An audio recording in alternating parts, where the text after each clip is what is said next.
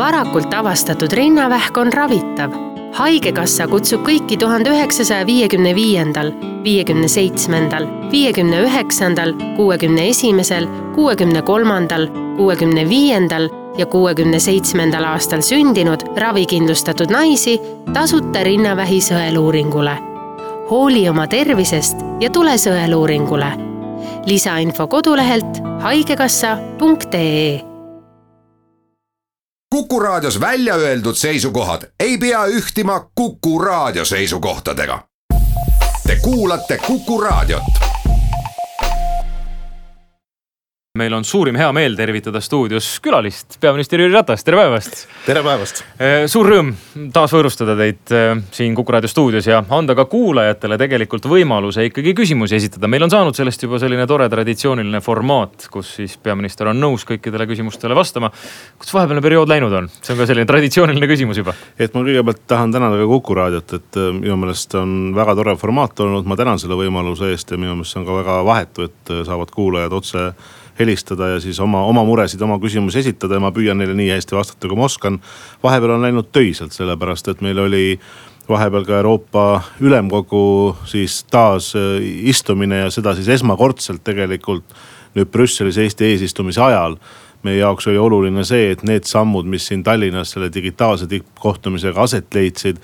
ja ma saatsin peale seda digitippkohtumist oma ametikaaslastele omapoolsed äh, nagu järeldused et mul on väga hea meel, et nad tegelikult jõudsid ka nüüd ülemkogu lõppjäreldustesse, et mis see kõige lihtsamas keeles tähendab.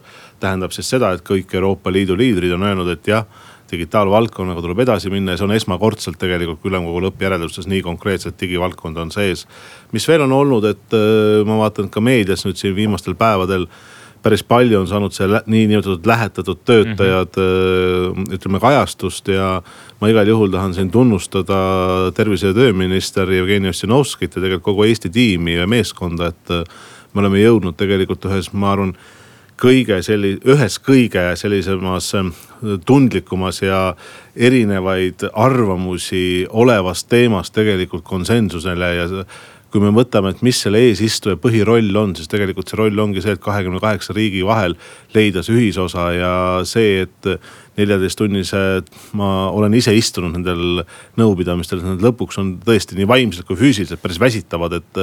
et seal leiti tegelikult konsensus ja minnakse sellega edasi ja me tegelikult teame, et see taust on ka see, et eh, Prantsusmaa uus president tõstis selle teema veel jõulisemalt lauale, kui Emmanuel Macron valiti ja, mul on selles mõttes hea meel, et siin Eesti sai tõesti oma eesistuja rolli täita ja seda, seda ühisosa leida ja kui algus oli väga tugev Ida-Euroopa vastasseis, siis lõpuks jäi lauale ainult neli riiki, et ka see on selle, seda konsensust kindlasti väärtustab veel rohkem aga olgu öeldud ka telefoninumber kuus, kaks, üks, neli, kuus, neli, kuus.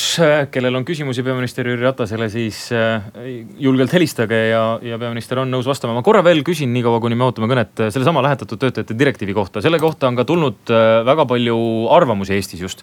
ja eile isegi rääkides Tööandjate Keskliidu juhiga, siis jäi kõlama justkui arvamus, et sellest ei ole kasu mitte kellelegi peale poliitikute teie kommentaar on milline? minu kommentaar on selline, et äh, lihtne lause on see, et, et võrdse töö eest peab saama, peavad saama inimesed võrdsemat, võrdset palka.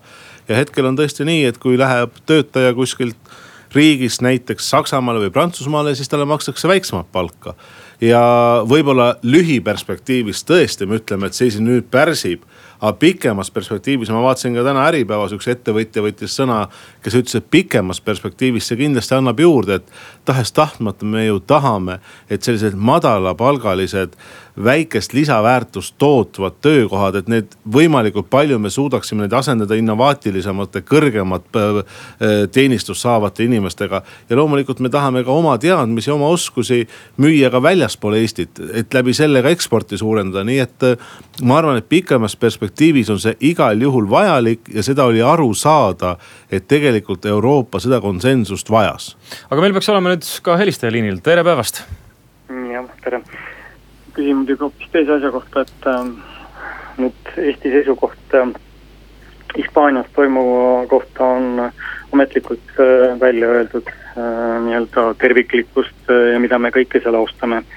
et mis saab edasi siis, kui situatsioon Kataloonias äh, läheb edasi vägivaldseks, ehk siis vägivalda on juba kasutatud ja noh, me teame seda, et, et neil ei ole põhimõtteliselt sellist seadusandlikku võimalust olnud teha referendumit, nad tegid selle referendumi vast-, noh, nii-öelda vaatamata kõigele, seda takistati, me ei tea, kui palju seal täpselt see protsent tegelikult oleks olnud, kui kõik hääled oleksid äh, saanud kasti nii-öelda ilma vägivallata ja neid kaste ei oleks seal äh, riikliku represseerimisorgani poolt ära viidud, aga kui edasi äh, situatsioon äh, läheb vägivaldseks, ehk siis mm, iseseisvust nõudvad jõud suudavad rahva tuua tänavatele ja tõepoolest hakkab ka hukka inimesi saama, et milline on meie seisukoht siis ja mis nagu ametlik äh, siis äh, nii-öelda peaministri seisukoht selles situatsioonis siis oleks. aitäh küsimuse eest. ma tänan selle küsimuse eest ja esimene küsimus väga, väga tõsine, et äh, ma vabandan teiste kuulajate ees, et see natuke nõuab pikemat vastust, et äh, Hispaania on kindlasti punkt üks demokraatlik riik. punkt kaks, Hispaania on Eestile oluline partner ja nii nagu ka mulle tundus, et küsija küsis, äh, saab ka sellest mõttest ju selgelt aru, et see nii on, et me oleme, me seisame väga tugevalt sarnaste väärtustest Euroopa Liidus. meil on äh, sarnased nägem-, nägemused NATO-s. nüüd äh, vägivald, vägivalda ei saa ju kuskil heaks kiita ja ükskõik, kus see toimub. kas Euroopa Liidus sees või Euroopa Liidust väljas tõesti, Eesti on öelnud seda, et me toetame Hispaania territoriaalset terviklikkust me oleme öelnud seda, et me lähtume sellest, et Hispaanias on oma põhiseadus, oma seadused, oma kord ja selle alusel tuleb tegutseda ja sellest me lähtume ka siis, kui need sündmused arenevad edasi. Hispaania on täna öelnud, et ta ei soovi siin mingit vahendajat, et on olnud ka Eesti meedias, et kas keegi võiks vahendada, kas Eesti kui eesistuja võiks vahendada, see ei ole tegelikult eesistuja roll. Ja ka viimases ülemkogus tegelikult seda teemat ei arutatud, sest see, see on väga selgelt aru saada, see on Hispaania siseasi, kõik liidrid, kes soovivad Hispaaniaga sellel teemal vestelda, loomulikult see võimalus on ja äh, Hispaania peaminister kindlasti neid äh, kommentaare ka jagas. mina isiklikult olen temaga rääkinud telefoni teel, ma olen kohtunud nüüd Brüsselis.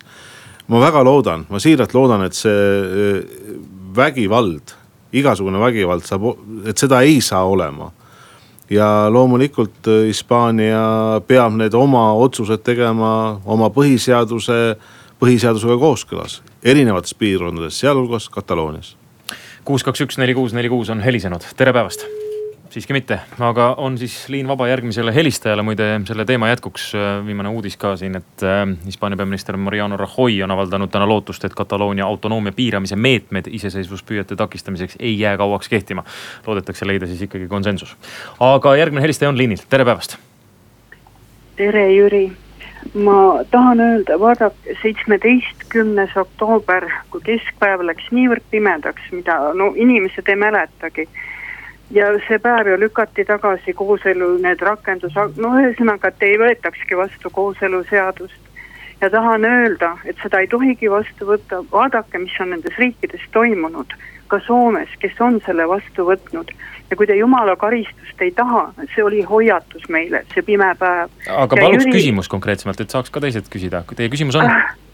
no küsimus ongi see, et ma tahaks väga vastust, et jah, need lükatakse, et kooseluseadust ei kehtestata, see on mu küsimus.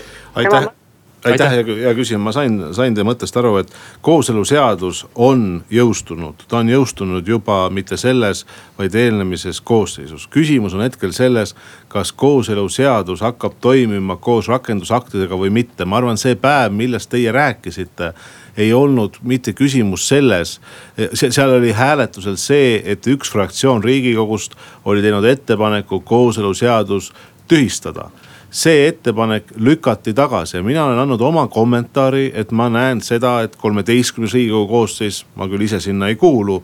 sest äh, ma olen seadusandlik, äh, mitte ma ei ole seadusandliku, vaid täidesaatva võimu esindaja. et kolmeteistkümnendal koosseisul seda poliitilist, ütleme tahet, soovi ja ka jõudu kui nii võib öelda, ei ole, et kooseluseaduse rakendusaktidega edasi minna või kooseluseadus tühistada väga suure tõenäosusega see saab olema järgmise riigikogu ehk siis neljateistkümnenda riigikogu küsimus, aitäh.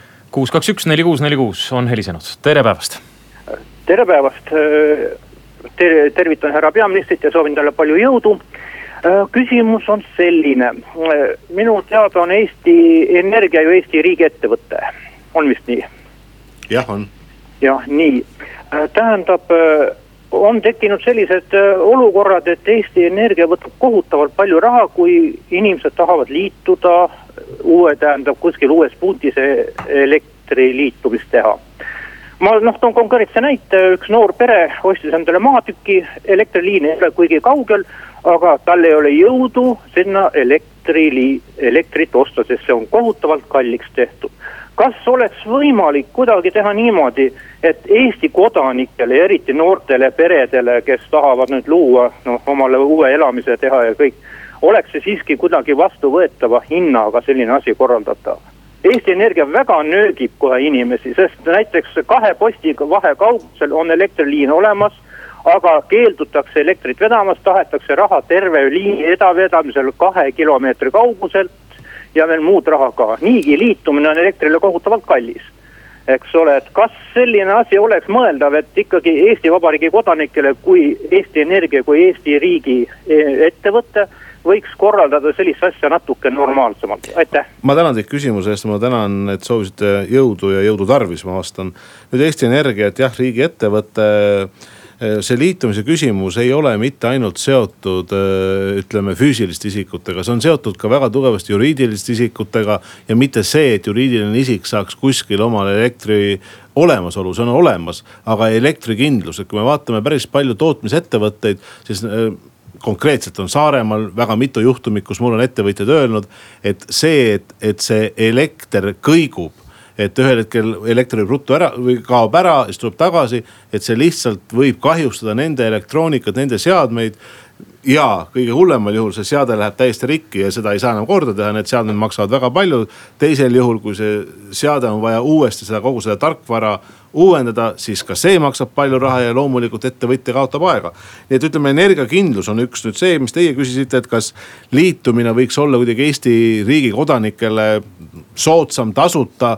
no ma kõigepealt arvan seda, et, et see, et, et elekter jõuaks ka ütleme maapiirkondades nendele, nendes, nendesse suitsudesse, kus hetkel elektrit ei ole, et loomulikult selle eest peab riik seisma. see, et kas me ütleme, et see on Eesti Vabariigi kodanik või mitte, ma arvan, et see on päris keeruline täna. arvestades ka seda, et Eesti kuulub Euroopa Liitu. aga kas võiks mingid sellised meetmed olla, et ütleme energiavarustust, et selle jõudmist ja selle jõudmiskindlust riik saaks aidata ja toetada. ma arvan, et sellel teemal diskussioonid on kindlasti tervitatavad. kuus, kaks, üks, neli, kuus, neli, kuus on telefoninumber stuudios ja ma saan aru, et see on ka helisenud. tere päevast. hallo, härra Ratas, olge tugev ja pidage vaelatele inimestele ütlustele vastu. Te olete väga tubli inimene ja teie olete õige eestlane. jõudu teile, tervist teile, olge tubli ja minge edasi. kas te küsida ka äkki tahate peaministrilt midagi? Siiski mitte, lihtsalt head soovid, tore seegi. aitäh heade soovide eest ja jõudu tarvis. kuus, kaks, üks, neli, kuus, neli, kuus ootab aga järgmist küsijat. Ehm, peaminister on valmis teie küsimustele vastama ja siin ka järgmine helistaja on. tere päevast ja jõudu. tarvis. mul on ähm, väike nõuanne, ma ei tahaks küsida, kõigepealt palju õnne valimiste võitmise puhul. Te olete tublid ja jätkake samamoodi. aga ma annaksin teile nõu, et te saate üksi hakkama ilma nende kõrvaliste abilisteta seal ma loodan. nii et, et e, minu soov on, et Keskerakond jätkaks sama edukalt ja läheks edasi, et ei võtaks koalitsiooni, no ma mõtlen neid samuseid sotse sinna. kuidas te sellesse suhtute? ma, ma tänan teid õnnitluste eest ja ma kõigepealt arvan seda, et noh, ma saan aru, et jutt on Tallinna linnavalitsusest mm., et aga, aga ma arvan, et iga omavalitsus, sealhulgas Tallinna linnavalitsus, sealhulgas tänases seisus peab olema võimalikult laiapõhjaline, punkt üks. ma mäletan, kui minul oli au asuda Tallinna linnapea ametikohale ja ka Eesti Vabariigi peaministriks. siis põhimõtteliselt see põhimõte on minu jaoks alati olnud üks. Tallinna linnapea on kõigi tallinlaste linnapea, Eesti Vabariigi peaminister on kõigi Eestimaa inimeste peaminister. ta ei saa olla ühe, teise või kolmanda erakonna, ainult selle erakonna peaminister või linnapea. see nüüd jutt oli koalitsioonist, see, kas see koalitsiooni läbirääkimised algavad või ei alga ja kas see koalitsioon üldse sünnib ma, ma selles mõttes pean oluliseks, et see selgus saaks võimalikult kiiresti. ma usun, et meie erakond need otsused teeb lähipäevadel, me koguneme juba täna õhtul. ja selle otsuse suure tõenäosusega, kas neid koalitsiooniläbirääkimisi nende konsultatsioonide pinnalt me alustame või ei alusta, et see tuleb siis selle arutelu käigus, peab sündima see, see, see põhimõte, aitäh teile. kuus, kaks, üks, neli, kuus, neli, kuus on taas helisenud, tere päevast. tervist, mul on kolm küsimust. Meil on uinuv kalendar Kreenholmi saar kas ei oleks mõtet muuta see viisavabaks erimajanduspiirkonnaks, no niisuguseks tõeliseks majanduspoliitiliseks ja kultuurisillaks Euroopa Liidu ja ida vahel. ja teine küsimus on selline, seni on võitlus ääremaastumisega olnud noh, äärmiselt abitu ja vilets. kas ei oleks mõtet rajada seal riigimaa, tähendab riigimaadel, vabadel riigimaadel ja maa ülejääkide kokkuostu teel, mida on praegu piisavalt ja riigimõisad, põllumajanduslikud riigimõisad ja kui need on hoo sisse saanud, siis erastada kasvõi töökollektiivile. ja kolmas küsimus on selline, kas ei oleks mõtet luua riiklik hoiupank, eks ole, mis tegeleks siis riigi eelarve ja Eesti kodanike hoiuste teenindamisega, miks sellega peavad tegelema eh, välismaalaste erapangad ja noh või vähemalt ärge siis loobuge Tallinna Ühistupanga mõttest, aitäh teile. aitäh küsimuste eest. aitäh, ma püüan ka ruttu anda ka vastust, tänan kolme küsimuse eest, kõigepealt Kreenholmi saar no jah, ei, ma ei arva, et võib-olla see oleks nüüd kõige, kõige õigem mõte selle silla olemasolus. see, et tegelikult Euroopa Liit ja Vene Föderatsioon võiksid saada paremini läbi muidugi see üldpõhimõte on õige, aga te, te, me kõik teame või ma arvan, et enamus teab seda, et mis on see põhjus, miks seda läbisaamist täna poliitilisel tasandil on väga-väga vähe. see on seotud sellega, mis on juhtunud Ukrainas, see on seotud sellega, mis on juhtunud Gruusias. ja see on seotud sanktsioonide põhimõttega. nüüd teine küsimus, ääremaastumine ja riigimõisad. no see on sihukene ma ei ole kuulnudki sellist ettepanekut, väga, väga julge, väga julge mõte. ja pean ütlema, et üsna, üsna uus mõte mulle, ma arvan, et siiski ääremaastumise osas riigimõisad ei aita, et aitavad tegelikult era, eraettevõtlus, mis tegelikult annab inimestele kindluse töökohtade osas. annab riigipoolne abi infrastruktuuri osas, annab riigipoolne abi haridusvaldkonnas, olgu need lasteaiad, olgu need koolid. annab transpordiõlg, et kas transpordiõlg on kättesaadav või ei ole, et ma arvan, see annab, aitab ääremaastumise osas. ja kolmandaks, te nimetasite riiklikku hoiupanka. ma ütlen niiviisi, et mm, riiklik hoiupanga osas ma arvan, seda vist vaevalt, et lähiajal sünnib. aga selline ühistuline tegevus, kui see oli selle küsimuse mõte, siis näiteks, kas me võtame e-piim, see on ühistuline tegevus, et ühistulise tegevust on Eestis, pigem on seda vähe, aga teatud sektorites, näiteks nagu põllumajanduses on ta olnud üsna edukas, aitäh kuus, kaks, üks, neli, kuus, neli, kuus, järgmine helistaja liinil, tere. tervist, selline küsimus, mis, kas on otsustatud, mis saab Auvere elektrijaamast ja jäälõhku ja Botnikast? Ei ole kuidagi teistmoodi hetkel otsustatud, et nende, nendega tehakse mingi teine operatsioon või teine otsus, mis on hetkel laual, et äh, need küsimused ei, nii Botnica kui ka Auvere ei ole selles vaatevinklis kindlasti selle valitsuse kabinetis laual olnud. kuus, kaks, üks, neli, kuus, neli, kuus äh, ootab järgmist küsimust. Äh, peaminister endiselt valmis vastama teie küsimustele, puudutagu need siis ükskõik millist teemat, mis meil praegu laual võiksid olla kuus, kaks, üks, neli, kuus, neli, kuus. Äh, senikaua, kuni me järgmist helistajat ootame, ma siis kasutan ise võimalust küsida peaministrilt. Äh, ma tean, ma ikka tuleks nende eesistumise küsimuste juurde, see on oluline. ma saan aru, et äh, nüüd need järgi jäänud kaks kuud, mis veel on, siis ühest küljest me kultuurikatla anname käest ära, aga samas küsimusi on väga palju veel laual. kuidas see tehniline pool välja nägema hakkab, mis veel ees ootab nüüd kahe kuu jooksul? no tehniline pool on see, et enamus nendest nõukogu koosolekutest toimub kas siis Luksemburgis või Brüsselis tõesti Tallinnas ja Eestis toimub veel siis Euroopa Liidu asjade komisjonide, siis kõikide Euroopa Liidu liikmesriikide kohtumisel, nimetatakse siis COSAC-iks. Äh, see toimub Saku Suurhallis, aga jah, sellised suured üritused, suured kohtumised, suured nõupidamised. Äh, see, see aeg on läbi ja tehniliselt näeb ette seda, et, et eks need nõupidamised, nagu ma ütlesin, on järjest rohkem Euroopa keskel, eeskätt Brüsselis. ja see on nagu mõnes mõttes selline saagi korjamise aeg, et kas me nüüd suudame neid faile või neid põhimõtteid viia otsustusprotsessi edasi ja saavutada ka otsuseid, saavutada, ütleme, lõplikke seisukohtasid või ei suuda. selle kahe kuu pinnalt, ma arvan, väga tugevasti Eesti, Eesti eesistumist hakatakse ka hindama järgmise aasta alguses. aga vahepeal on helistaja liinil, tere. tere küsin niisugust asja, tänases Postimehes ma lugesin seda, et kakskümmend seitse tuhat läks ühesõnaga Brüsselis käimise peale. Öeldakse, et Eestis ei ole raha.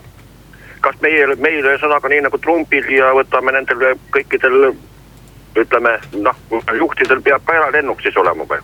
raha kokkuhoius kogu aeg räägitakse raha, raha ei ole, kakskümmend seitse tuhat tänases Postimehes. et kuidas, kuidas nii, niimoodi siis raha saab ütleme raisata? aitäh aitäh teile, et äh, tõesti teatud sõidud äh, Euroopasse on eesistuja, eesistumisperioodi ajal väga intensiivsed. mõnikord need sõidud on seotud ainult poole päevaga, näiteks mulle endale meenub minu üks sõit Poola Varssavisse, mis oli just tegelikult seotud lähetatud töötajatega ja Poola peaministriga suhtluses. et eesistumine tähendab loomulikult liiklust äh, Brüsseli ja Tallinna vahel, aga ka teiste kahekümne seitsme riigi vahel. ma isiklikult pidasin oluliseks kõigi riikidega kohtuda kahepoolselt, kui ma vähegi seda sain.